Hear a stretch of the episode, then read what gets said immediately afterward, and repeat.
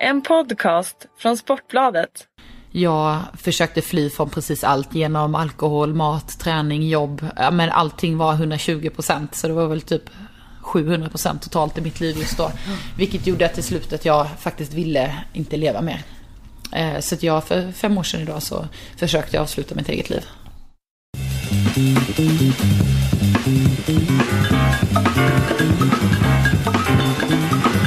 Nu har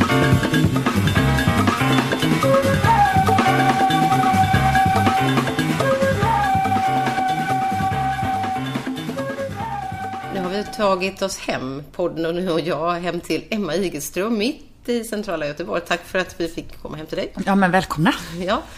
Och det är ju lite så, det hänger lite, du har adventpyntat lite och du ska baka lussekatter eller pepparkakor, eller? Ja vi får se, det är mitt jobbigaste beslut. Jag vet inte när jag hade en sån här dag senast när det var, när det var beslutet. Eh, Men Det är ju stora beslut ändå, alltså lussekatter, pepparkakor, eller? Ja, jag är ju en sån, eh, eh, verkligen beroende av jul kan man säga. Jag älskar julen.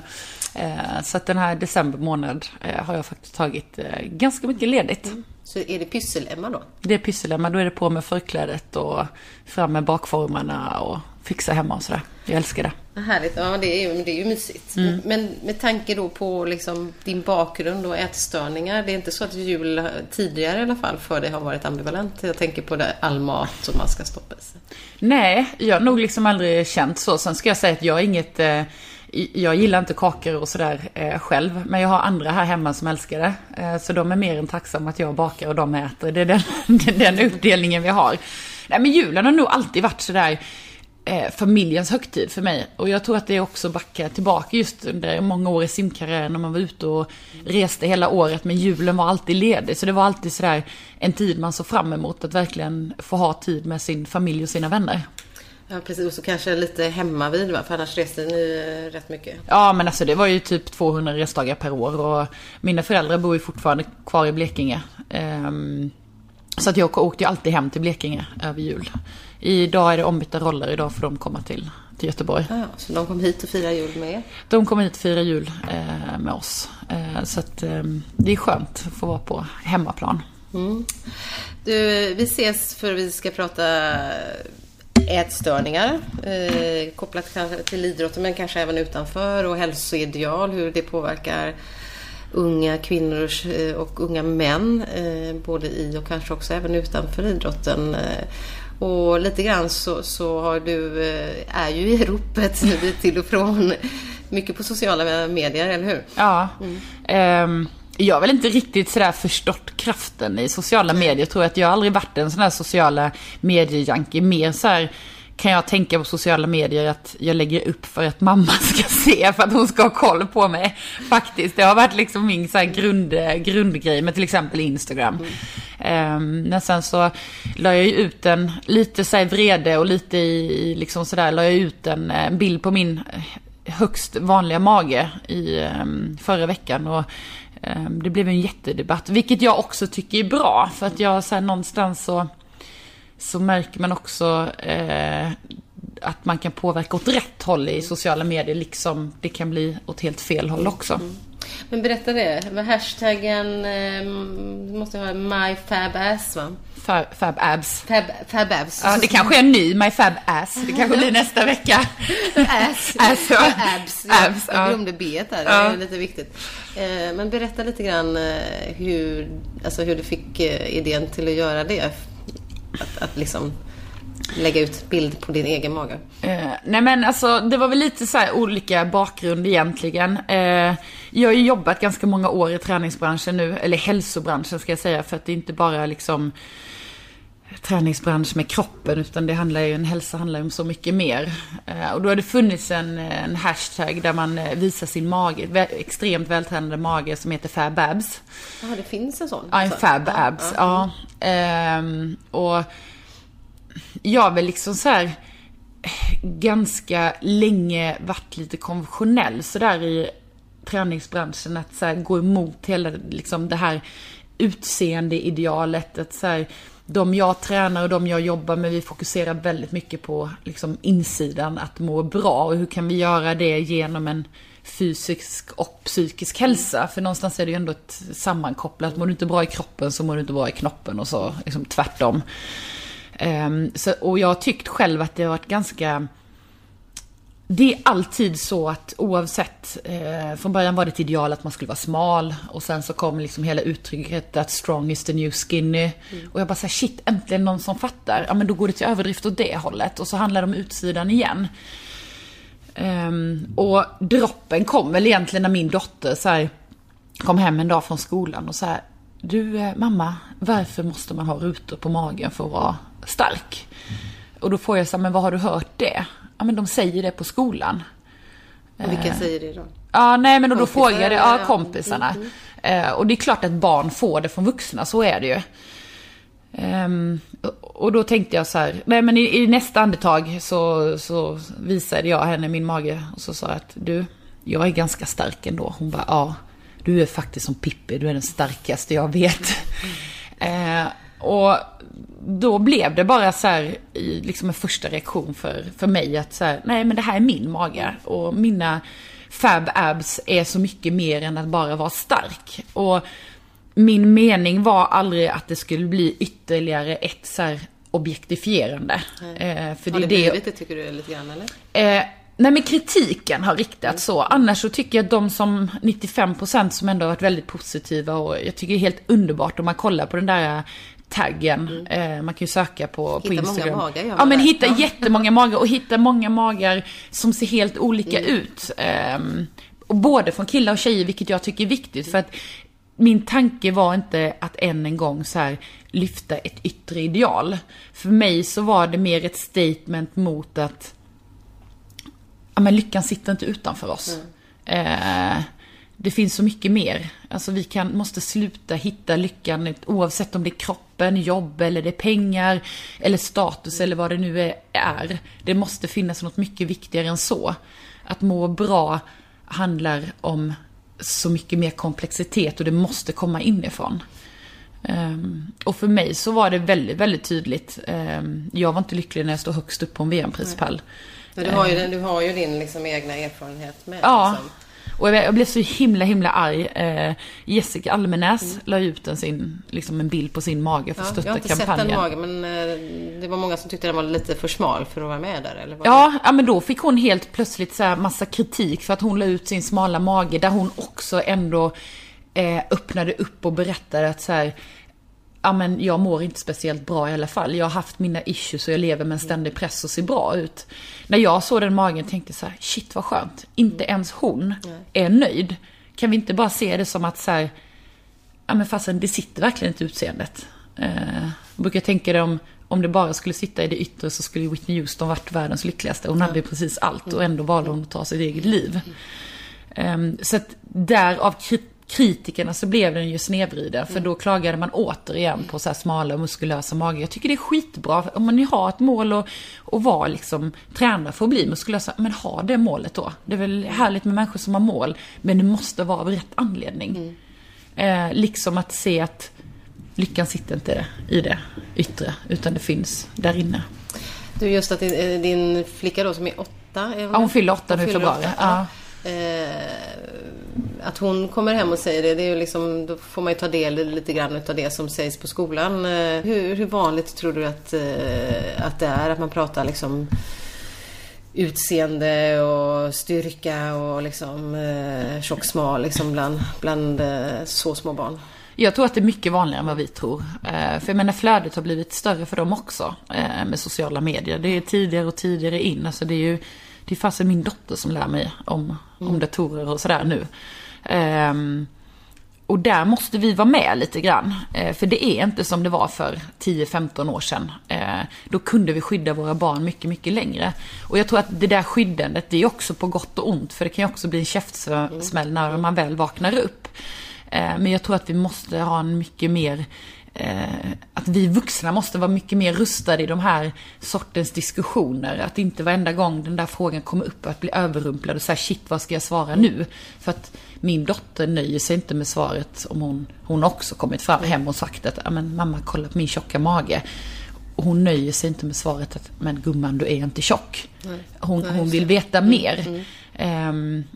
Och det är väl först kanske nu när jag fått, liksom, hon har börjat komma i den åldern och man har egna barn som man inser hur utbrett det är. Mm.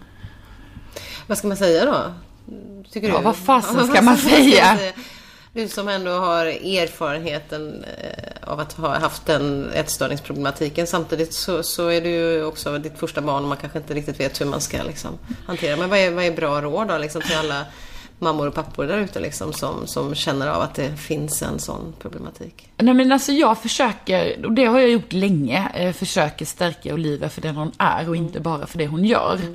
Mm. Um, att försöka hitta de där egenskaperna och lyfta mm. de goda egenskaperna hon har när hon är en bra kompis eller hon är godhjärtad eller ja, men vad det nu är för mm. egenskaper. Sen det är klart att hon ska få bekräftelse för det hon gör också. Men det är väldigt enkelt att ge bekräftelse för saker mm. som, som man gör. Och det är det ju liksom till oss vuxna emellan också. Mm. Där försöker jag också så här, bland mina vänner och sambo och liksom pappa och mamma och familj och sådär att ja men nej, nu ska jag lyfta lite vad de är för någonting.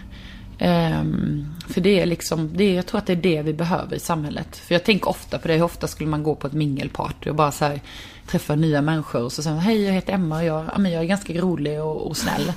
Alltså, och då tycker ju folk att man är jättekonstig. Ja. Men, men det, ren... upp, det upptäcker de efterhand, men, men man, man, säger ju inte det. Nej, nej att man är så här, ja men man är väl, eller vi är väldigt mycket det vi gör ja. i vårt samhälle idag. På alla plan. Mm. Ja, och det, det, är ju de frågorna man får. Vad jobbar du med? Vad gör du för någonting? Mm. Och så på något sätt klassificeras man in efter det liksom. Ja, och jag tänker på det sen när jag var på, när jag gick på mammagrupp med Olivia. Mm. Redan då upptäckte jag så ja men har din bebis vänt sig? Ja men det har min. Och nu har hon tagit nappflaskan. Oj, det har inte min. Vad händer nu? Och så kommer man till skolan och där är också så här, ja men Kalle du hade alla rätt på provet. Stina du... du tävling. Måste, ja men det är tävling hela, hela, hela tiden. Mm. Eh, och där tror jag så här, lärarna och ungdomsledarna i idrotten också har en stor chans att kunna påverka. Mm. Tror du att vi är liksom lite för aktivitetsorienterade, alltså även med våra barn? Det är lite så det är för vuxna. Man ska liksom ha ett bra jobb och man ska göra massa saker. Man ska liksom eh, ingå i grupper. Man kan satsa på något vid sidan av. spiller det över liksom på barnen? Ja men det tror jag. Ja. Eh, men det är ju liksom aktivitets redan i bebisåldern. Det ska mm. vara babysim och mamma barngympa mm. och så tänker man så här. Det är mer ens eget samvete mm. brukar jag tänka som man ska stilla mm. än att, att det faktiskt är för barnens mm. bästa. Jag menar jag brukar alltid tänka så här ja, men om jag har en söndag ledig och så ska jag hitta på något med Olivia och jag frågar vad helst av allt vad hon vill. Och då tänker jag så här, ja men åh, nu ska vi gå till Universium eller vi ska gå till Liseberg och så ska vi ut och käka och sådär. kan vi inte bara vara hemma och kolla på en film? Alltså det behöver inte Nej. vara svårare för barn eller bara gå ut på lekplatsen eller jag tror att det är vi, vårt dåliga samvete som, som kräver det där. Eh, om man tittar tillbaka eh, i, genom åren då, så, så, som du var inne på själv, så har du eh, en lång historia som du har varit ganska öppen med. Eh, har det varit viktigt för dig att vara öppen med, med liksom ätstörningsproblematiken och hur dela med dig av dina erfarenheter? Eh, det har nog inte varit viktigt för mig på det sättet från allra första början. Eh, men sen kom jag också till en punkt i mitt liv där jag kände så här, varför måste allting vara så perfekt? Mm. Alla har vi våra issues. Och jag kände att så här, ja men kan jag öppna upp om mina issues och göra det till att det inte är så farligt. Alltså det är så här, ja men här är jag, trots att jag har vunnit VM-guld och var en firad sportstjärna i många år, eh, så mådde inte jag bra för det. Eh, och just det här att vem sätter pris på ett inre mående? Alltså måste vi ha en prestation även i så här, vårt inre mående. Um, då blev det viktigt för mig, för då insåg jag också att jag har chans att påverka. Uh, och det har också visat sig, det är säkert massa människor som känner, liksom som tycker så här, ah, men fan måste hon alltid öppna upp allting och sådär. Uh, men för mig har de där mejlen från unga tjejer och killar räckt att så här, ja men du gjorde skillnad. Mm. Det väger upp all det negativa som, som jag har fått tillbaka. Är det många som har, har hört av sig genom åren? Ja, oh, gud, det är otroligt mm. många. Och ett tag så var det till och med sådär så att jag själv behövde terapeut för att det var så många som hörde av sig till mig. Så och det var ganska tunga mejl mm. så att jag själv började må så här, shit hur ska jag kunna rädda världen för det här? Vad har jag tagit på mig? Mm. Tills jag bara så här, okej, okay, det är inte den rollen du har liksom. Alla har ansvar över sitt eget mående och du har ansvar för ditt, det är det enda du kan påverka. Um, det är klart att eh, blir du den som de sträcker ut en hand till. Ja. Eh, Det går ju inte heller för din egen del att Nej, och jag är inte utbildad Nej. till att ta hand om eh, den, den typen av problem heller. Men, eh, så där behövde jag också hitta min egen balans i så här, ja, men hur mycket, det är liksom bara en del av den hela Emma på något sätt. Men om vi backar bandet för att, som, för att ge de, folk en bild då, liksom, kan du, som jag varit intresserad av också, kan du förklara när du, liksom, var, är det 2002 när du tog dina, kanske var bästa mästerskapet, var bästa VMet där och tog två guldmedaljer. Tre. Tre blev Ja, jag, just det. och en- och ett silver. Och, och rekord. Ja. Förlåt, dåligt påläst. Ja, ja, Tre nej, men- medaljer. Det, var, det är egentligen enormt bra. Ja, gud, alltså jag kan komma, liksom kolla tillbaka nu och kolla på bilder och sådär. Så här, shit, har jag gjort det? Men mitt i allt det så mår du ändå inte bra. Nej. Eh, alltså kan du förklara hur, hur det här var? För du, du höll det ju lite för dig själv, vad man har förstått efteråt, i alla fall till en början. Liksom. Hur var den upplevelsen? Eh, och hur mycket var du medveten om att du manipulerade andra runt omkring dig? Hur mycket försökte du liksom dölja det? Ja, men jag tror inte att jag var så medveten egentligen för att jag tror att den största jag manipulerade det var nog mig själv.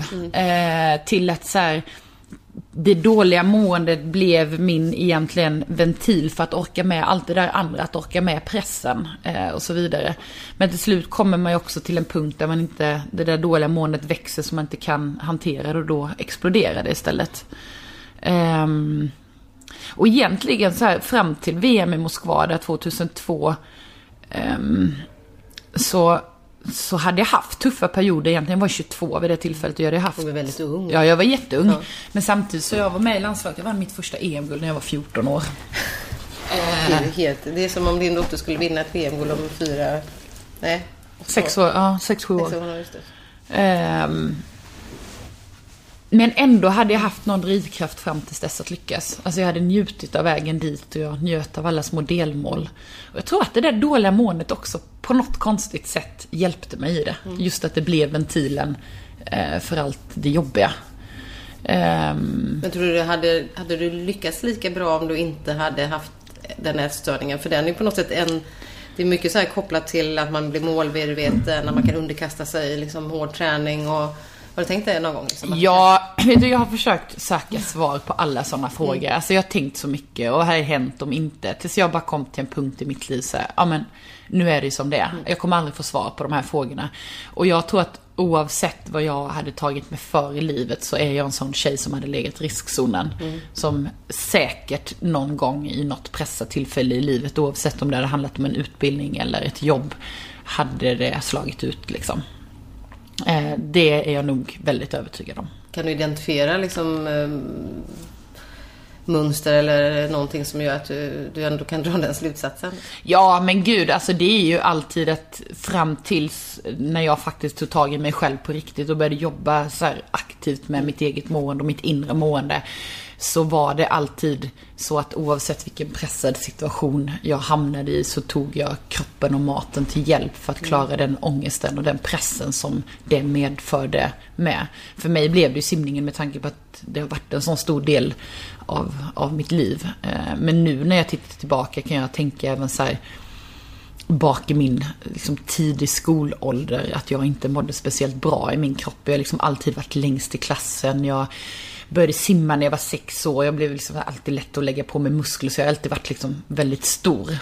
Eh, och alltid strävat mot det där lilla smala idealet. Liksom. Ehm, så att kroppen har alltid varit en, en svag punkt för mig. Och det har varit svårt att lära mig trivas i min egen kropp. Men nu trivs du? Ja, det gör jag. Eh, ja, men till största delen. Och sen så finns det dagar där jag känner de där fuldagarna. Du vet när man känner så här, nej fy vad jag så här, skulle vilja liksom eh, eh, se ut på ett annat sätt. Men det är också så här, tänker jag att, men det är också en naturlig inbyggd drivkraft vi har, att vi vill ta hand om vårt yttre. Och bara för att jag ibland tänker det, så betyder inte det att jag är sjuk. Däremot så är jag mycket mer medveten om när det börjar gå över gränsen. Jag känner min kropp och min medvetenhet väldigt, väldigt bra idag. Vad gör du när du börjar känna att det går över gränsen? Nej men jag har, alltså, så ett exempel var så förra året. Jag fick halsfluss för första gången på, ja sen jag var barn typ. Jag fattade inte ens att Nej, det var precis. Kan man halsfluss. få det ja men det var lite sådär. Ja. Eh, och jag kunde verkligen inte äta mat. Alltså jag, det var verkligen, jag var så dålig i halsen. Det var så här, ja tre dagar och sen så åt jag inte, jag drack bara. Och då var så här, du vet det där kicka på igen. Bara shit, nu har jag liksom gått ner lite i vikt och nu sitter byxorna lösa och sådär. Och då kommer det där som liksom, som att det bara, den där ätstörningen har legat och väntat på mig att slå till igen. Men då är det så här, okej, okay, då kan jag nästan börja garva åt det. Nu backar vi bandet sådär. Eh, nu äter jag.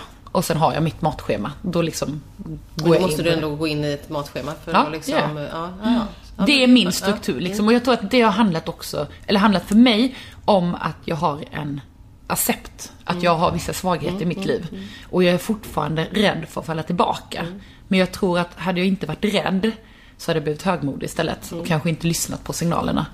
Ehm, så jag har liksom sådär några stycken verktyg där jag verkligen backar tillbaka. Stress är en annan sån eh, faktor. Jag har inte alls samma hårddisk liksom in i min skalle idag som jag hade, som jag hade innan. Så idag verkligen så här, jag har planerad fritid mm. i min kalender. Mm. Och då är det fritid från barn, från sambo, mm. från träning, från jobb, från allting. Och det, ja, men det där låter ju ändå som otroligt bra sätt att, alltså, man är medveten om det kan dyka upp men, men att du har någonting liksom nästan så här, okej okay, idag ska jag äta så här. För, ja. då, för då liksom kommer lugnet va? Ja, ja, ja, ja men det är så min, ja men precis, det är min, eh, mitt skydd liksom. Mm. Det där pappret, det, det ligger här uppe i, i köket. Och... Hur länge behöver du köra det då? Att... Nej men alltså ofta är det bara ett par dagar. Ja, Eller ibland bara så här, en liksom så här, jag går upp och äter frukost och sen mm. så här, ja men det var ju inte svårare än så. Så att jag också säger nu, jag vill inte hamna där igen. För jag, idag, jag mår så mycket bättre och jag är så mycket piggare. Jag är en bättre mamma, jag är en bättre sambo, jag är bättre på jobb. Alltså, det, det finns liksom ingenting som skulle kunna få mina, alltså några kilo hit eller dit att falla tillbaka längre. Men, men ändå vetskapen också om att ha de här redskapen mm. Eh, tror jag liksom ändå kan, kan vara en viktig del. Ja men strukturen är skitviktig för mig i allt. Och sen är man ju inte alltid så bra på att ta, liksom, planera in tid för sig själv. Liksom. Det är ju, tror jag Nej, många skulle behöva. Jag tror, alltså jag tror verkligen många skulle behöva det. För det är också under den tiden som jag kommer fram till väldigt mycket bra slutsatser. Mm. Som jag faktiskt så här, får tid att känna efter. Hur känns det i min mm. mage i det här beslutet? Mm. Eh, idag väntar jag hellre med vissa beslut än att bara så här, ta dem på liksom, impuls. Mm. Eh, där jag får känna lite i magen och så eh, ofta när man tar sig tid att känna i magen så blir det rätt beslut också. Mm.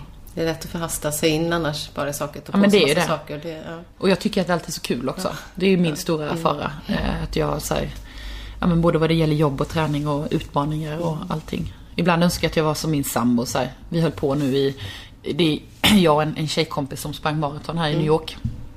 Och så låg hon så här på sängen. Hon bara, jag fattar inte att jag måste alltid säga ja till de här jävla utmaningarna.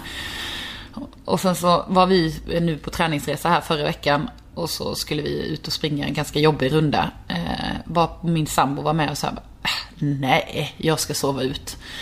Eh, och ibland hade jag önskat att jag bara så var mer som honom. Han hoppar över träningen? Ja, men han, hoppar, han hoppar över utmaningarna om man inte känner att han drivs av det, om man inte tycker det är kul. Medan jag mer så här, du vet, ja men en utmaning. Det är klart jag inte säger nej till det om de andra säger ja.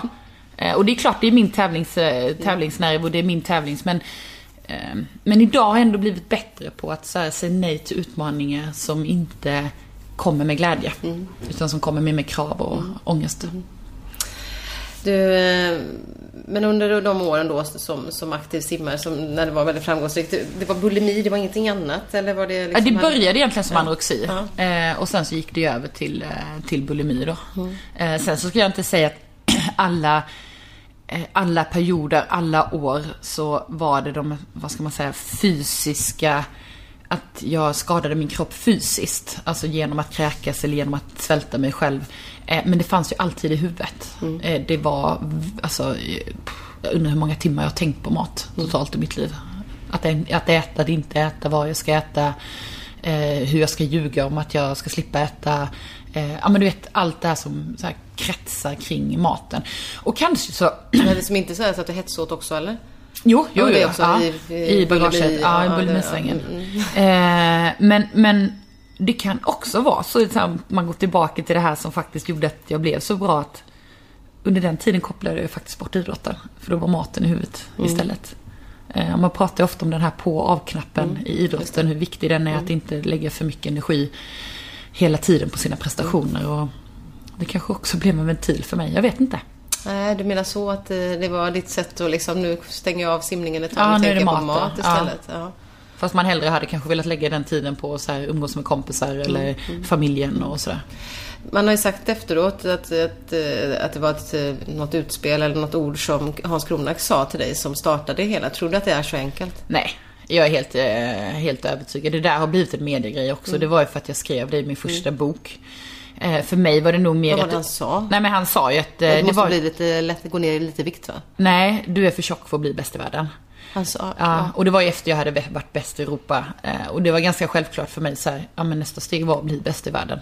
För Fast mig... det var kanske ett lite, litet onödigt ord. Ja, ja, gud. Ja, men och det, det var väl det som jag ville säga genom min bok också. Så att vi vuxna måste tänka på hur vi liksom kommunicerar saker. Samtidigt så är jag väl medveten också om att jag levde i en elitidrott. Jag var 15 år, ja. Men jag var i ett landslag där folk var 25-30.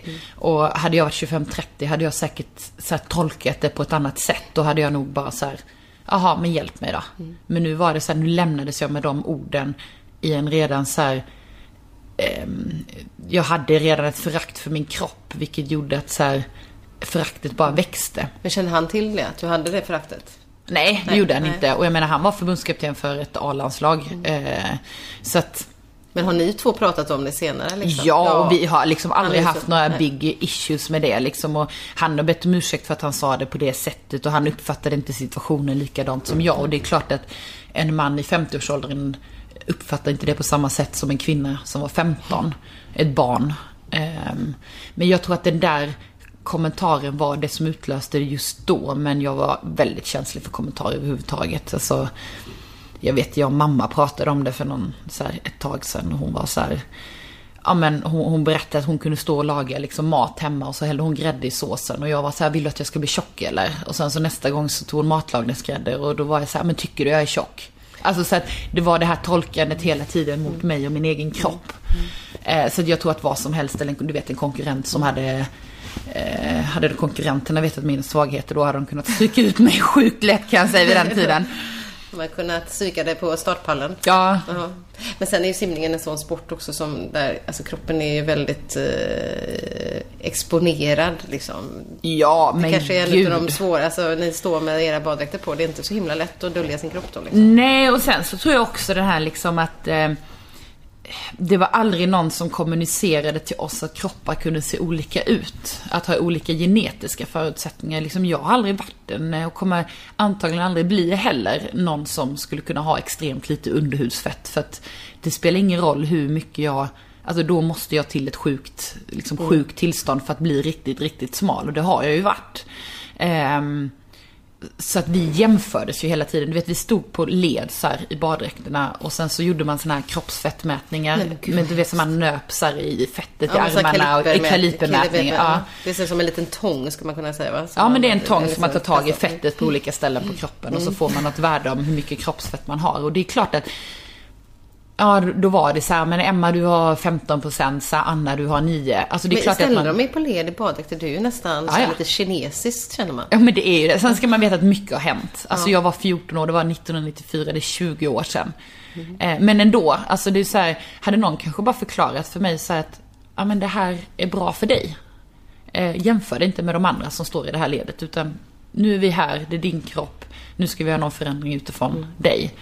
Eh, då kanske det hade varit lite annorlunda, då kanske jag också hade fått en förståelse för att vi är inte, vi har inte samma genetiska förutsättningar allihopa. Men nu fick du liksom ett mått. Mm. Ett procentmått liksom. Och så satt man i bastun och snackade om vad vi hade. Och då var det lite tufft att ha minst. Ja, det var ju liksom, det var ju det som var målet, att man skulle ha så lite som möjligt. Var det i klubb eller landslagsmiljö? Eh, det var nog både och tror jag. Eh, men det var ju landslaget först jag kom i kontakt med den här sortens eh, liksom, snack om kost. Jag menar, jag kommer från en liten stad, jag kommer från Karlshamn, där det var en klubb där verkligen glädjen och där, eh, vad ska man säga, ehm, ja men glädjen styrdes eh, bredden. Eh, det var breddsimningen var viktigare än eliten. Eh, man hade inte pratat om elitsatsningar och sen när jag är 14 år så går jag från en sån där liten klubb till att bara här slängas in i ett landslag och eh, scoutas av större klubbar och kommer till, till miljöer som är liksom helt skillnader från eh, från min hemmamiljö. Eh, och jag vet att jag hade jätteångest för de första landslagslägren. Eh, vi var ju ett gäng, det var ju jag och Johanna Sjöberg egentligen som från början var liksom de yngre tjejerna mm. och det var liksom ändå lite så konkurrenssituation gentemot de äldre. Ja, det är klart, och, ni kommer in där och är ja, snabbare liksom. Ja. Mm. Så det har suttit kvar ganska länge att de äldre tjejerna var ju inte helt eh, jättesnälla mot oss och tog hand om oss. Och det tror jag liksom, det är lite individuell idrotts... Mm. Så här, det finns en, någonstans en fostran. Eller fanns just då, idag kan jag inte riktigt svara för hur det är.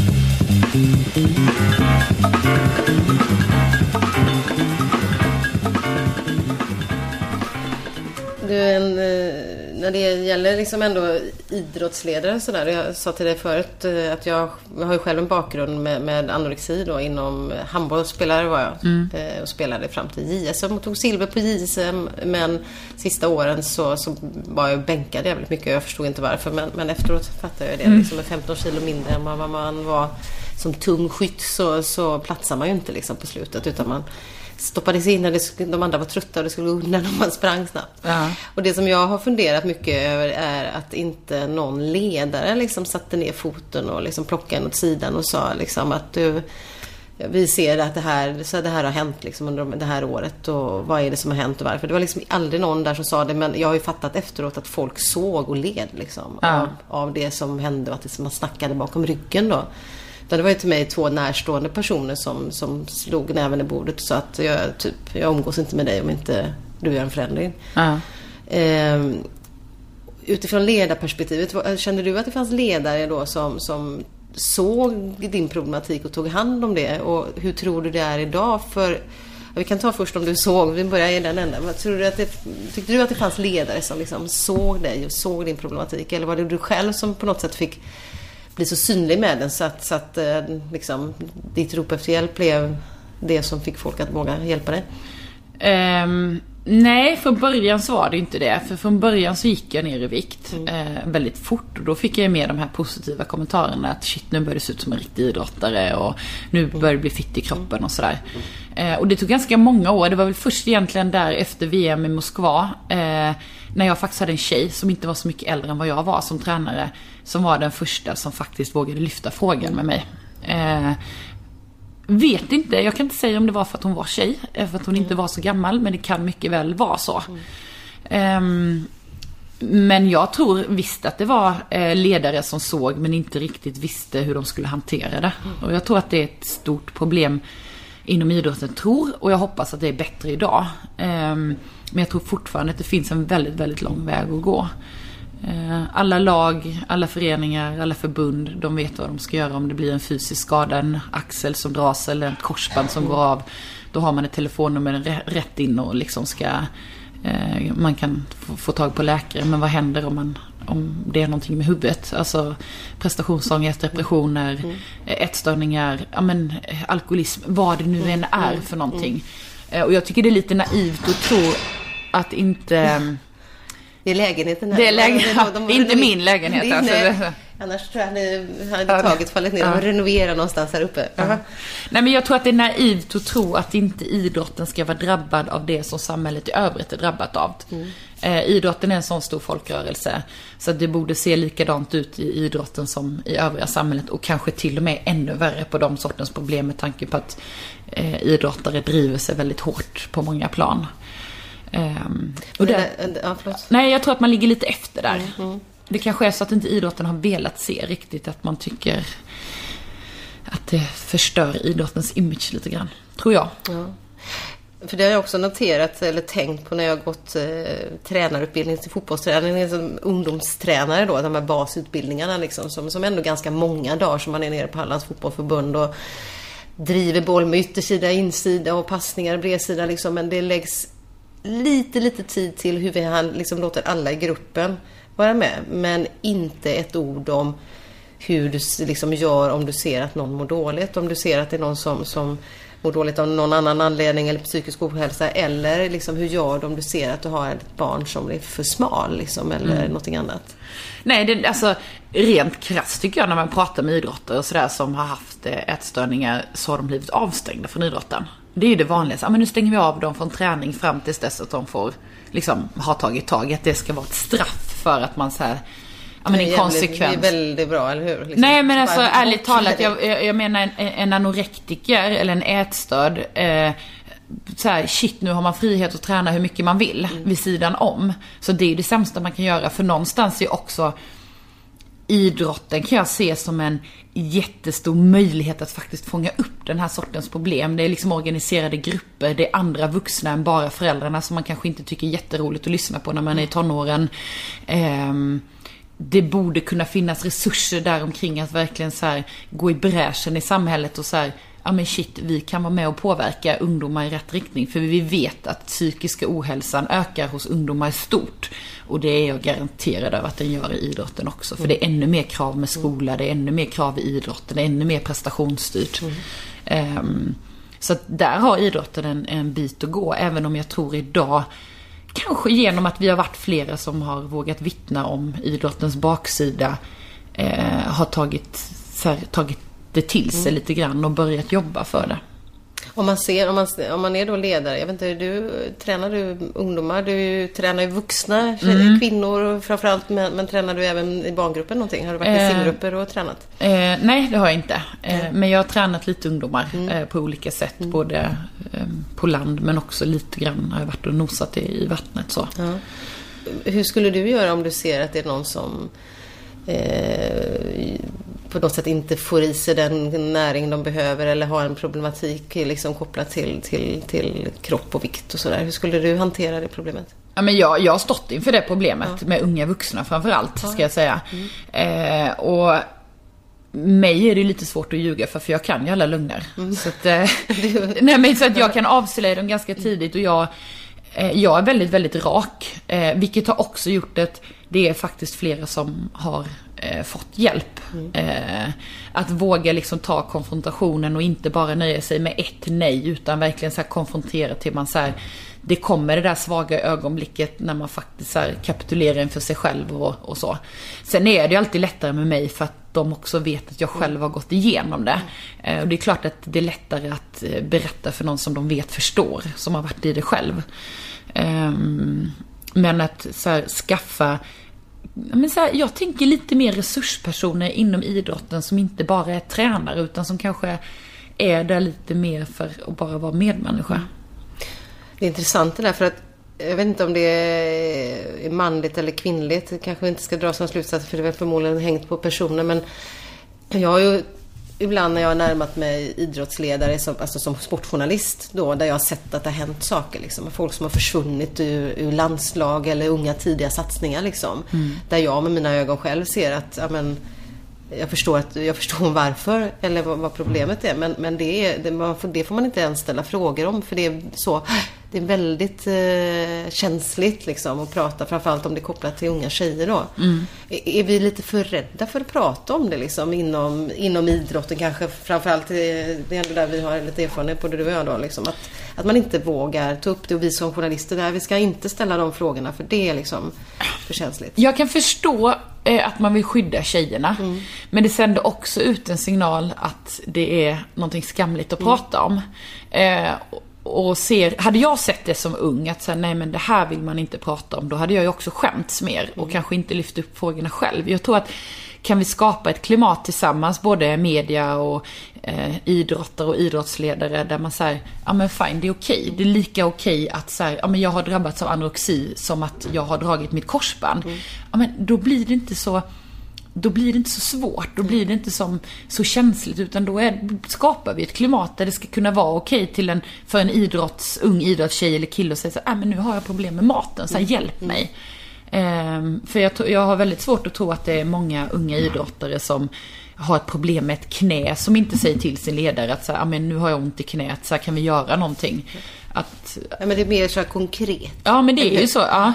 Eh, men eh, maten vet man inte riktigt om det kommer från en prestationsångest eller någon annan problematik. Det blir så lite... Nej, och sen är vi ju ganska så här, eh, inpräntade, eller i alla fall jag var det, så, ah, men det är bara dålig karaktär, hur svårt kan det vara? Ät. Mm. Jo, men jag fattar det, jag är smart. Mm. Jag är ganska eh, eller jag är, jag är smart och jag vet mycket saker och jag fattar att man ska äta för att prestera. Det var inte det som var mitt problem. Det var att jag gjorde inte det i alla fall. Då måste det vara något annat. Någon vägg som har byggts däremellan. Hur tar vi bort den väggen? Och det är vi så här, oavsett vad det är för problematik, tänker jag i dagens samhälle idag, så är det ju ofta så här, men det är dålig karaktär. Mm. Ja men hon klarar inte av stress och vadå, hur svårt kan det vara att inte dricka alkohol? Hur svårt kan det vara att äta? Det är bara dålig karaktär. Att den där barriären måste vi bryta och inse att det är faktiskt en sjukdom likväl som cancer eller diabetes eller vad det nu än är för någonting. Det handlar inte om karaktären.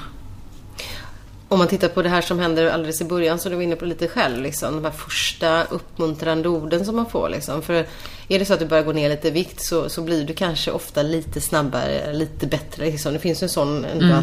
liksom, effekt i början där. Mm. Eh, och den är ju rätt häftig att nå, liksom, att få den känslan. Eh, men, men hur, hur, ska man veta då om man är liksom oavsett om man är tjej eller kille då, liksom att, att ja, men, var går gränsen? Alltså det där är ju inte lätt. För det kanske är så i vissa fall om man ska satsa på elitidrott att mm. ja, men du kanske, ett kilo ner kanske ändå Ja men kan göra det liksom. Optimera det liksom.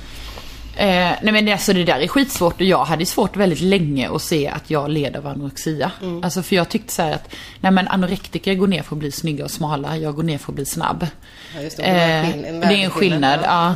Jag tyckte också så att när jag, jag vet att jag satt och, och slog upp, då fanns ju inte Google. Jag satt i sån här, liksom, Vad gjorde man då? Nej men då, kollade, men, då satt jag och kollade så här uppslagsverk, kommer jag ihåg, på skolan och slog upp anorexia. Mm. Och då var det ju bilder av de här jättesmala, tunna skeletttjejerna.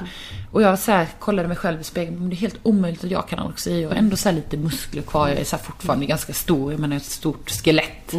Mm. Um, att vi är så insnöade på att uh, de här uh, sjukdomarna måste se ut på likadant sätt. Och gör det inte det uh, då väljer vi att se olikheterna istället och så tycker vi inte att vi är sjuka. Jag tror att det mer handlar om att vi runt omkring måste också se förändrade beteenden kring maten. Alltså, eh, är du tränare i ett fotbollslag och så ser du en tjej som så har gått ner i vikt. Och jag menar det är inte fel att gå ner i vikt som du säger för en viktoptimering mot en satsning. Men um, är man ute som vi var och så många lag är, man känner varandra väl och kompisarna känner varandra ja, men varför äter hon så här när hon inte gjorde det innan? Varför mm. går hon på toaletten efter maten? Varför um, ja, men äter inte hon godis som alla andra mm. som hon alltid har gjort innan? Eller han. Um, så jag tror att det handlar om också så att medvetengöra eh, vikten av förändrade beteenden. Mm. Både hos ledare men också så att man vågar prata om det i ett lag. Mm. Eh, men som individuell idrottare, vi levde ju ändå ihop i ett lag. Eh, och det är många liksom kvällar på, på hotell. Ja, men det är det jag menar. Så att jag menar, vi liksom. lever mm. ihop. Och jag menar, ofta så eh, tror jag att just idrottsledare, idrottslag, idrottskompisar kan se det mycket lättare än vad föräldrarna kan mm. göra. För att eh, man lever så tätt på ett annat sätt än vad man gör med sina föräldrar. Precis. Då är det där gränsfall mellan övervaka och liksom, alltså det, det är inte så lätt liksom. Det är inte alls lätt, men jag tänker så att redan tidigt så här, fråga varför. Mm. Eh, och, och liksom bara veta, alltså bara vetskapen om att någon så vill mig väl och göra det på rätt sätt. Mm. Inte anklagande utan bara så här, ja men jag uppfattar att du har ändrat ditt beteende. Och det behöver inte alltid vara så, det kanske finns en naturlig förklaring. Mm. Eh, och det är inte heller liksom så här, Ja, men det vet man ju själv när man drabbas av sorg eller man drabbas av stress. Alla reagerar olika och maten är ganska enkel att ta till. Man stressar mycket, glömmer att äta. Eh, man har inte aptiten kvar när man sörjer. Alltså det mm. finns så mycket. Mm. Men att man säger, ja men hej, här är jag, jag är en medmänniska som bryr mig om mm. ditt bästa. Eh, kom till mig om det något, det kanske räcker så. Ja, man kanske inte behöver göra det för komplicerat. Nej. nej. Och inte så just det här anklagande utan verkligen så här, liksom. nej. nej. När det gäller idrottsrörelsen då så har ju du ändå med din erfarenhet försökt eh, liksom puffa på för att man ska komma framåt i de här frågorna. Hur har den resan varit och hur har det gått tycker du? Nej men alltså det är svårt. Eh, idrotten har väldigt mycket traditioner och har mycket eh, Alltså det är ganska konservativt ändå i idrotten. Ehm, så att jag menar jag har försökt och verkligen så här, kan vi inte se idrotten på ett annat plan? Kan vi inte börja istället, jag förstår att det är en elitidrott så är prestationerna det centrala så, och det ska det vara. En, liksom, i en olympisk eh, idrottare eller liksom en, en topprestation. Men vad kan vi göra där nere i bredden? Hur kan vi fostra idrottarna men också kan vi fostra människorna? För att alla blir inte Zlatan eller Foppa. Nej. Eh, eller. Sara Sjöström Mm. i bassängen, liksom, där man verkligen kommer till toppen. Och då är det ganska många år som man har lagt eh, där man faktiskt också kan ha chans att fostra människor. Och förhållande till sig själv och förhållande till omvärlden. Och, är så här diskussionen har börjat komma upp väldigt mycket kan jag tycka kring ehm, jag tror det var så att Tommy Söderberg som jag var med och föreläste som, hade, som jobbade med U21-landslaget väldigt mycket så här, hur uppför man sig mot folk? Alltså hur, eh, hur beter man sig? Liksom de här etiska frågorna. Och det borde vara en ganska naturlig del att förlänga den där etiken också med att så här, men hur tar vi hand om oss själva? Hur tar vi hand om varandra? Precis, och inte bara eh, ute gentemot andra. Nej, utan också mot sig själv. Vad är att vara snäll mot sig själv? Men hur mycket har id- idrottsrörelsen kommit tillbaka till dig och velat ta hjälp? Jag menar Tommy är en sån, han är ju liksom en medmänniska liksom. Mm. Väldigt generös och, och varm liksom och ser till människan mer än till prestationen. Men, men du har varit i kontakt med Riksidrottsförbundet då? Ja, eh, jo men det, det blossade väl upp lite. Nu kommer inte jag ihåg vad han heter, men det var ju en eh, engelsk eh, eller irländsk eh, tränare som hade varit spelare eh, förut som tog livet av sig. Ehm, och då skrev jag en krönika eh, om just den här pressen inom eh, elitidrotten och den andra sidan av liksom guldmyntet. Eh, och då var jag uppe på Riksidrottsförbundet också så här, ja, men vad, vad, vad kan vi göra för att våra idrottare ska må bättre? Eh, och då var ju svaret direkt att vi måste sätta in mer mentala tränare. Eh, Och då kan jag tycka så här, ja men vänta nu här, nu har vi missat någonting. För en, en mental tränare, det är skitbra att ha, men det är också riktat mot prestation. Det är ju inte riktat till dig som människa.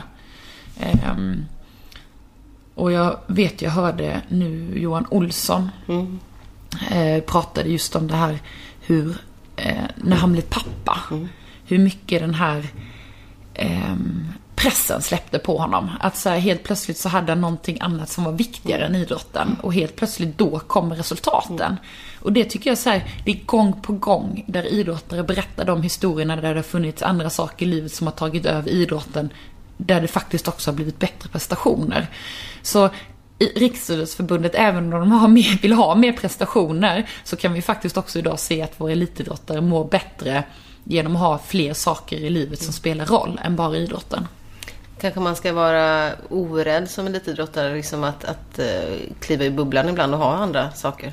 Ja men jag Alltså, tror det. Ibland är man ju sådär, nej men inte skaffa barn för man är rädd för att eh, det, liksom, det, det stör liksom. Eller så. Man kanske ska våga följa livet lite mer och ändå försöka kombinera det med sin idrott. Men jag tror det. Alltså när jag tittar tillbaka så här, när jag bestämde mig, och det gjorde jag egentligen på OS 2000 i Sydney, eh, när jag såg att det faktiskt gick att bli bäst i världen fast man inte var någon övermänniska. Och det var ju när Lars Frölander vann sitt OS-guld.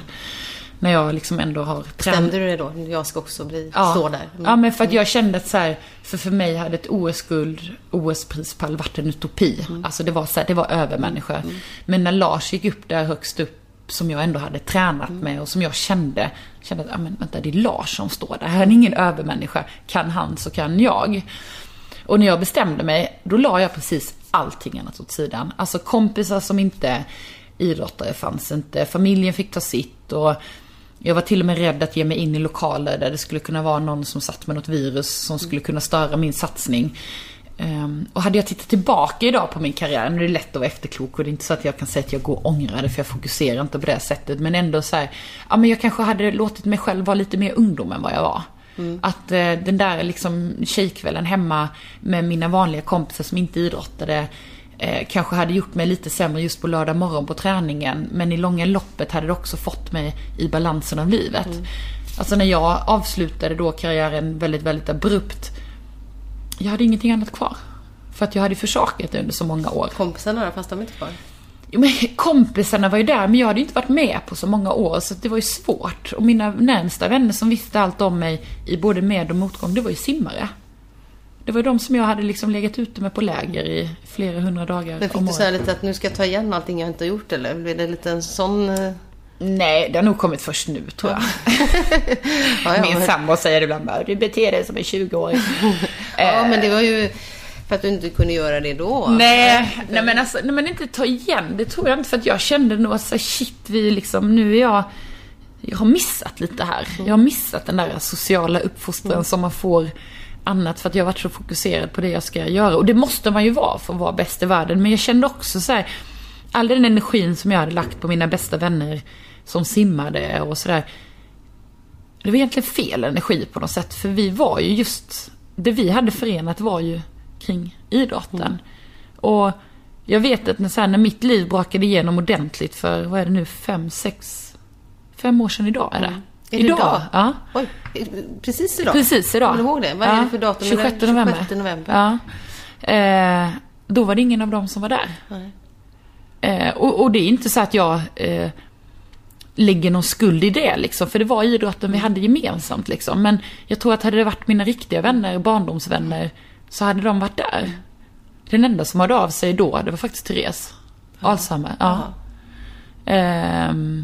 När du, för du låg på sjukhus då? Ja, de låg på sjukhus. Och det var liksom, inte just då, men efteråt där, då var hon den enda som liksom hörde av sig.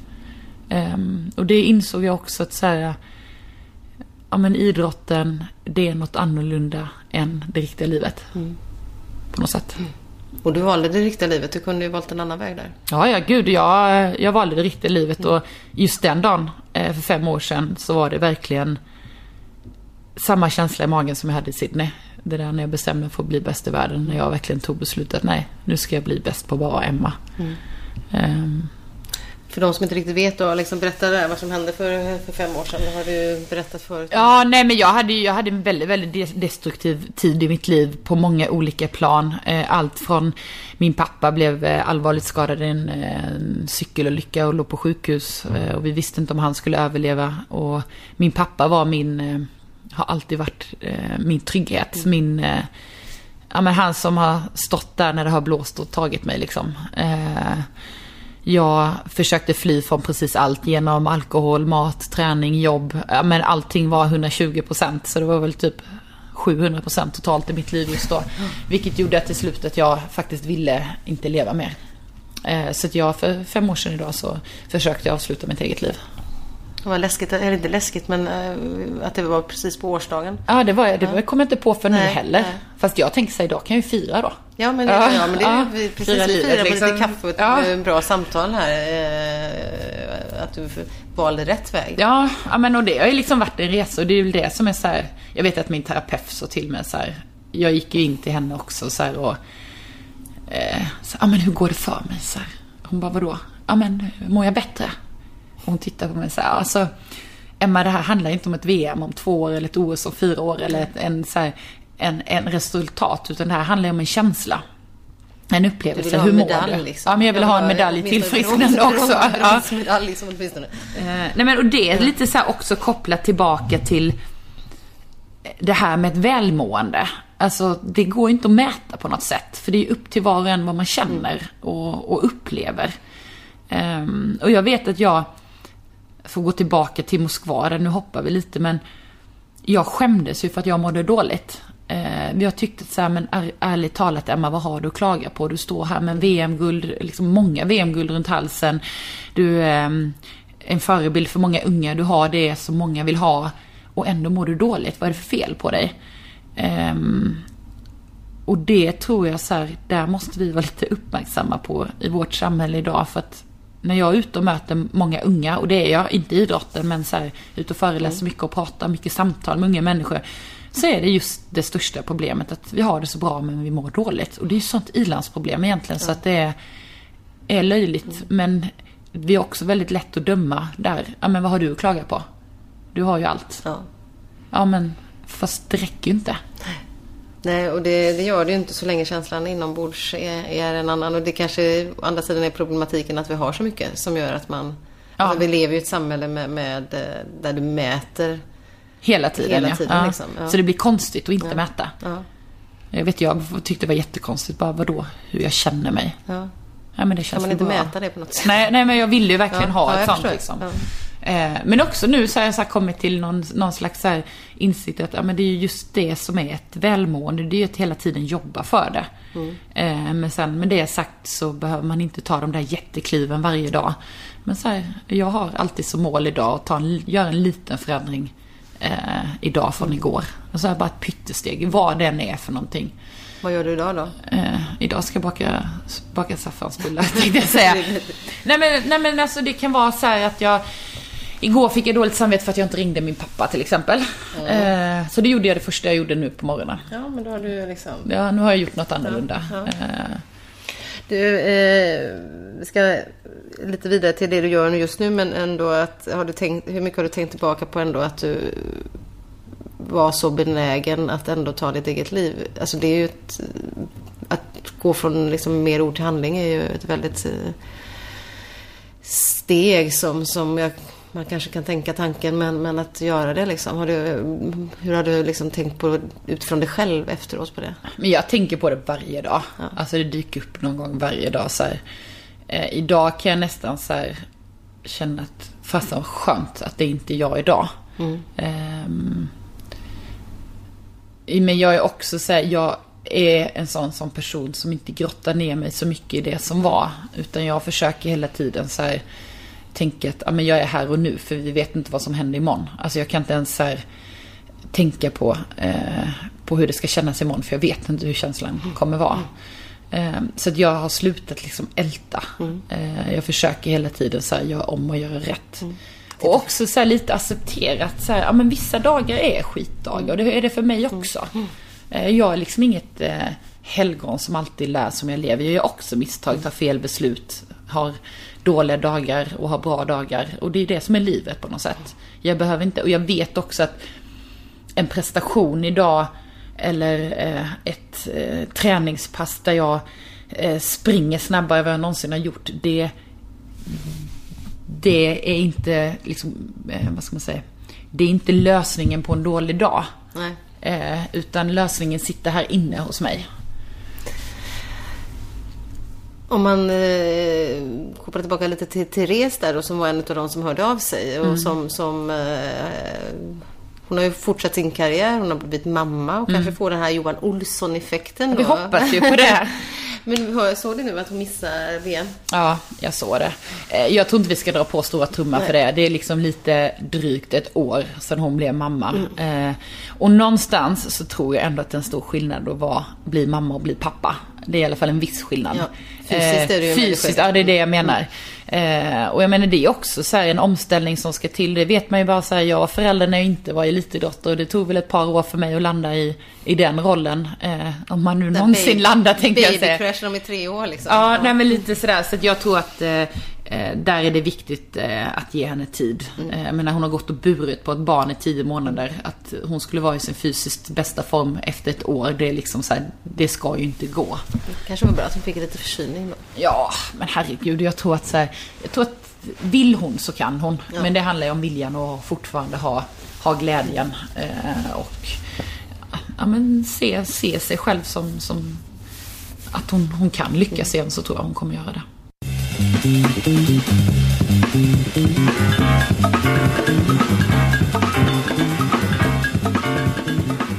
Tjejerna är med och där finns det ju mm, goda förhoppningar. Det finns många duktiga tjejer, framförallt Sara då som är, som är topp liksom. Hur, eh, hur, länge kan hon hålla den här nivån? Du, hon kan hålla exakt så länge som hon vill. Eh, Sara är född 93, hon är 21 år. Eh, Slog också igenom tidigt. Hon ja, lite- 16 år var hon när hon tog sitt, eh, sitt VM-guld. i VM. Hol- eh, Ja, just det. Men hon vann EM också va? I Holland. Ja, det var i samma- Där. Hon ja. var 14 va? Ja. Tänker, Eh. tänker du på det ibland med tanke på att du också slog igenom så tidigt liksom? Att, eh, att, Jo men det gör jag och jag har pratat mycket med Sara också. Om det. Eh, däremot så tror jag så här, jag vet att jag skrev en krönika om det också just efter OS i London då när hon brutal misslyckades. Eh, att det här kan ha varit hennes viktigaste erfarenhet. Tar hon sig ur den här eh, efter OS i London, att liksom åka dit som favorit eh, inte palla förtrycket och lopp efter lopp bara misslyckas. Men ändå gjorde hon sina lopp som plan. Hon hade lika väl kunnat säga, men jag är inte i form, jag skiter i det. Men hon gjorde det. Och hon stod där framför kamerorna efter varje lopp och förklarade att jag är inte bättre än så här just nu. Eh, man såg, ja det var så starkt. Alltså jag kan få så här, nästan tårar i ögonen när jag, alltså jag led med henne när jag satt och kollade på TVn. Att hon som, vad var hon då, 2010, nej 2012, då var hon 19 år. Eh, att hon fick stå och förklara eh, lopp efter lopp varför hon inte var i form. Och hon gjorde det med rak rygg. Eh, och då visste jag att så här, vänder hon det här kommer hon kommer bli bäst. Det kommer inte vara någon som kommer slå henne. För att hon har den fysiska talangen som krävs och hon har huvudet som krävs för att bli absolut topp. Ja, det var ju väldigt utsatt. Mm, det var så ja. utsatt ja. Eh, och att, det är nästan som man i det läget som journalist hade haft förståelse om någon hade sagt att nu, nu räcker vi, det nu liksom. Räcker, ja. ett tag, liksom. Men hon, nej, men hon gjorde inte det. Hon tog det. Mm. Eh, och, men att kunna stå på startpallen i Rio nästa år, men det är snart nästa år, 2016. Eh, och faktiskt så här, Nej, det blir inte värre än i London. Nej. Det kan inte bli värre. Plus att från London, jag kunde vända det här. Jag tog VM-guld, jag tog, eller slog världsrekorden, jag utklassade Therese Alshammars världsrekord på 50 meter fjärilsim. Alltså hon kan stå där bara med axlarna ner och vara helt avslappnad. Och ta ett OS-guld. Ja, minst ett. Ja, minst ett. Ja, jag tror att hon har chans på att ta tre. Jag tror att hon kan vara så här hur bra som helst. Eh, sen så ska man också veta att det är en utsatt situation på ett olympiskt spel. Det är inte bara att hämta hem. Eh, men är det någon som klarar det så är det Sara. Mm. Cool, det ser vi fram emot. Ja, men plus att de, hon faktiskt också är ett nav i ett lagkapslag på 4 gånger 100 frisyn som eh, kan vara med och slåss om medaljerna. Eh, vet inte jag om du kommer vara expertkommentator eller någonting under OS. Så långt kanske du inte har tänkt? Eh, det, det, får vi låta vara osagt än så länge. ja, här har vi en liten TV-nyhet att avslöja så småningom. Ja, kanske det. Ja. Men eh, det är ju en del av det du har gjort liksom, efter din karriär. Men sen jobbar du mycket med träning också. Och mm. träning, eh, förutom att du springer i maraton och hoppar på massa utmaningar, så, så jobbar du med träning och tränar folk. Och ja. har dragit igång eh, en kvinnosatsning, en tjejsatsning. Ja. Den får du berätta lite om. Ja men det var så här, jag, jag har alltid haft en dröm och den backar sig egentligen tillbaka faktiskt till jag var i Australien och simtränade. Eh, I Australien så är allting extremt forskningsdrivet. Eh, de har alltid legat mycket längre fram än vad vi i Sverige har gjort. Eh, man kunde komma till träningen på morgonen och så sa man att nej men alltså det känns inte bra idag och sen så tar man ett blodprov och så säger men du är helt fullt, eh, fullt kapabel, det här ser jättebra ut och så får man hoppa i. Eh, Oj. Nej men det, och det är verkligen så här, du vet de åker ut till så här, mellanstadieelever och så testar de, gör de massa fystest och så säger ja men du kommer bli bra på tennis, om du vill så kommer du kunna bli bra simmare. Ja men det är, det är lite bra, så, ja men det är väl så här, någonstans, där är också så här, ja men vad går gränsen mm. för, för vad som är bra och inte. Men eh, där hade jag en kvinnlig forskare i mitt forskningslag som var väldigt frustrerad för att det inte fanns någon forskning gjord på tjejer. Mm. Eh, och det var ganska så här, när jag upptäckte det, då var jag ändå liksom 22-23 eh, när jag upptäckte att, vänta nu här, här driver jag en elitsatsning på forskning baserad på män. Eh, det måste finnas andra dimensioner i kvinnors eh, fysiska liksom, fysiologi. Och jag fick ju ganska fort så här, lära känna min egen kropp med så här, ja men varför kunde jag liksom, varför fick jag mycket mer inflammationer i musklerna när jag körde tung styrketräning när jag hade menstruation. Mm. Eh, vissa tider i månaden kunde jag inte prestera på tävling. Alltså jag hittade ganska snabbt, men det fick jag lära mig själv, liksom mitt mönster i månaden. Mm. Och sen blev jag mamma och insåg att ah, men nu är inte min kropp som den var. Mm. Eh, så den där rena kvinnofysiologin har alltid intresserat mig väldigt mm. mycket. Och den är ju olik, alltså den är inte samma som männens. Nej men det, så är det ju. Nej men det är ju inte så för att vi har mycket mer hormoner som styr under våra eh, olika epoker i livet. Alltså tonåring mm. eh, och sen så växer man upp till kvinna och så blir man mamma och så vidare. Eh, men det också tillsammans med att eh, vi kvinnor behöver coachas på ett annorlunda sätt. Alltså män har väldigt lätt, eh, min erfarenhet och väldigt generellt och det finns män och kvinnor som går ihop och är annorlunda. Men så här, ja, men när de är och tränar, då, lägger, då är de i träningsboxen. Då lägger de liksom allting bredvid och sen så tar man tag i det när man har tränat klart. Medan kvinnor kan man här, se på hela kroppsuttrycket när de kommer och liksom ska träna att så här, nu har det hänt någonting på dagen och sen är man på träningen och så är de redan på middagen på kvällen och barnen ska läggas och läxorna och allting sådär. Eh, och det är generellt men det är väldigt mycket så. Eh, Det är då Och- man har tid att tänka. Det är då Ja men det är då man har tid att tänka. på Ja, det, liksom. ja men verkligen. Och, och, och, Annars är det full fart. Så att det... Ja men det är det. Och också lite grann att gå emot det här träningen med så här, ehm, att träningen istället för att vara ytterligare en prestation vi ska lägga till i vår vardag, att faktiskt skapa så en frizon för tjejer. Att bara så här, komma dit som de är, vara som de är, skratta mycket, ha gemenskapen som fokus och glädjen istället för prestationen och kraven. Eh, Så har jag och min, eh, min kollega Stina, som också är nära vän till Stina mig. Albin va? Ja, Stina Albin ja. Eh, Som är bland den häftigaste tjejer jag vet också. Hon tränar bland annat Johan och Anton Irén, brottarna, Okej. i rörlighetsträning. Hon är 1,50 hög och bara så här, har hand om de här tungviktarna i rörlighetsträning. Ja, det är faktiskt kul- riktigt kul häftigt. bilder, ja. Eh, vi har startat ett företag som heter Girls Wellness Academy. Där vi har riktad träning till tjejer i olika delar av livet. Eh, den som jag kanske är mest intresserad av det är faktiskt tonårsgrejen. För vi har skapat eh, träningsgrupper för tjejer från 13 till 17 år. Eh, där det verkligen ligger väldigt mycket fokus på pedagogiken i att höja självkänslan, att höja samarbetet tjejer emellan. Att så här, mycket av träningen går inte att göra själv, du måste vara två Okej. eller flera. Och då är det liksom träning som ni bedriver på... eh, Olika ställen i Sverige. Ja, men Eh, är man utomhus eller? Både utomhus och inomhus. Eh, Men vi har lagt också mycket fokus på utomhusträningen. eh, Just för att eh, det finns forskning som visar att vi mår bra av att vara ute. Att få det dag- dagsljuset. Att eh, slippa gå in på ett gym med massa basilusker överallt som vi ändå får från våra dagisbarn och Ja. skolbarn. Ehm, Men att det verkligen är ehm, det är ett välmående fokus och vi har tagit bort det här eh, snygg och sexig. Eh, vi har sund, stolt och stark som våra ledord eh, hela tiden och det genomsyrar hela verksamheten. Eh, vi använder inte oss av speglar. Det ska vara en plats där man som kvinna oavsett fysiska förutsättningar kan delta.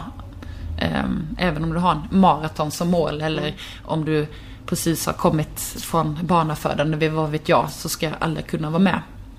Eh, Så det är skithäftigt och det är så det är någonting som hela mitt hjärta är med på. Det är första gången i hela mitt liv tror jag. Där hela både kroppen verkligen och... så brinner inifrån. Ja. Alltså. Att få, det känns som att jag ibland jobbar med mitt fritidsintresse. De här unga tjejerna då, eh, är det, tror du också, är, finns det tjejer som, som vill in i elitidrotten där också? Eller är det mer motions och hälso liksom? Nej men där är nog en hälso, eh, hälso eh, mer en hälsosatsning än en elitsatsning. För att det är också att ha skapat ett forum för tjejer. För att det är någonstans där gränsen går. Många hoppar av idrotten. Eh, man får inte gå på gymmet och man kanske inte ska gå på gymmet just i den åldern. Eh, att, ehm, att det blir som en liten överbryggning från idrotten till att eh, lära sig leva som en vanlig motionär. Eh, Men också en främjande, jag menar vi får inte glömma den problematiken vi har andra änden, att vi faktiskt rör på oss för lite i dagens Dator, samhälle. Så att det behöver inte, och men precis. Eh, Och att hitta forum för, för alla de som inte rör på sig idag. För det är också ett välmående i det. Kul. Mm. Grymt roligt och intressant och ehm, det är väl just där min fara är. Så här, jag skulle kunna jobba hur mycket som helst med det också för att hjärtat är med så mycket där. Mm. Men du har planerat in lediga dagar. Nu har jag planerat in lediga dagar och nu har jag, jag ska inte säga en helt ledig december, men eh, nästintill. Väldigt, väldigt lite i december. Mycket tid hemma och det har också varit någonting som jag prioriterar mycket, att, eh, att vara hemma. Du, har du avslutningsvis någon stark kvinnlig förebild som, som uh, betytt mycket för dig i livet? Det kan vara någon känd eller någon okänd. Men alltså jag har nog ganska många jag har aldrig haft så här, jag har liksom ofta fått frågan redan under min elitidrottskarriär. Eh, ja, men vilken har varit din förebild eller din idol? Men jag har nog haft så här, ganska många olika kvinnliga förebilder. Det gemensamt är nog är just att de är kvinnliga. Eh, min farmor har alltid varit en stark förebild för mig för hon har varit en, en stark kvinna på alla plan. Eh, och det var ganska kul för att hon, det var hon som tog mig till bassängen för första gången. Ehm, och hon berättade att hon hade varit simmare, men sen så efter hennes bortgång så hittade jag SM-medaljer i simning. Så att jag liksom aldrig vetat att hon var så bra och det här var på 30-talet, 20-30-talet någon gång. Det var Ehm, lite blygsamt att säga att jag, jag Ja, och lite kvinnligt Mm. tror jag. Ja. men eh, just alltså, men hon har varit sån där, du vet, eh, fått mig att älska laga mat och fått mig att sticka Mm. och alla såna där grejer. Eh, men sen så rent idrottsmässigt så vet jag att Pernilla Wiberg var en, en förebild tidigt. Mm. Alltså just den här kraften i henne att vara bäst vad det gällde. Mm. Alltså hon kunde gå en hel jädra säsong som var förstörd av skador och nog fasen när det var VM hon stod på startpallen så, eller startlinjen så, så presterade hon i alla fall. Eh, men jag kan, jag kan så här, jag kan ta flera liksom så här kvinnliga förebilder som jag kan plocka lite det gottaste ur. är väl Liksom. Ja. man kan, eh, och de står för olika saker liksom. Ja. Pernilla står för en sak och farmor för en Ja, annan men sak. hon stod för en annan sak, men precis. Eh, Men jag gillar överhuvudtaget eh, starka individer och personer som är, inte faller inom ramarna för ja, det normala inom situationstecken i vårt samhälle. Som vågar sticka ut hakan på en eller andra sättet. Då är jag gärna med och, och bidrar och stöttar också. Kanon! Jag får tacka dig för en eh, intressant pratstund Emma. Tack själv. Och eh, de där lussebullarna hoppas jag smakar bra i eftermiddag. Ja, det, Jag tror att jag gör pepparkakor. Jag har lite mer tidsbegränsat men du verkar ha lite mer. idag har jag tid. Eh, Jag ska, Vi ska ju jäsa och grejer också. Ja men det ska jäsa. Det enda som jag har nu så här, som jag har tagit en, eh, ett löfte till mig själv som är mitt träningsmål eh, nu framöver. Det är faktiskt att ge mig ut varje dag och få lite solljus eller dagsljus i alla fall. Solen skiner inte jämt här i Göteborg, så kan vi säga. Nej, men Nej. för idag ser det ändå ganska ljust ut. Ja, Ja, så du får på med några skor och ut och promenera eller jogga. jogga lite blir det. Gött.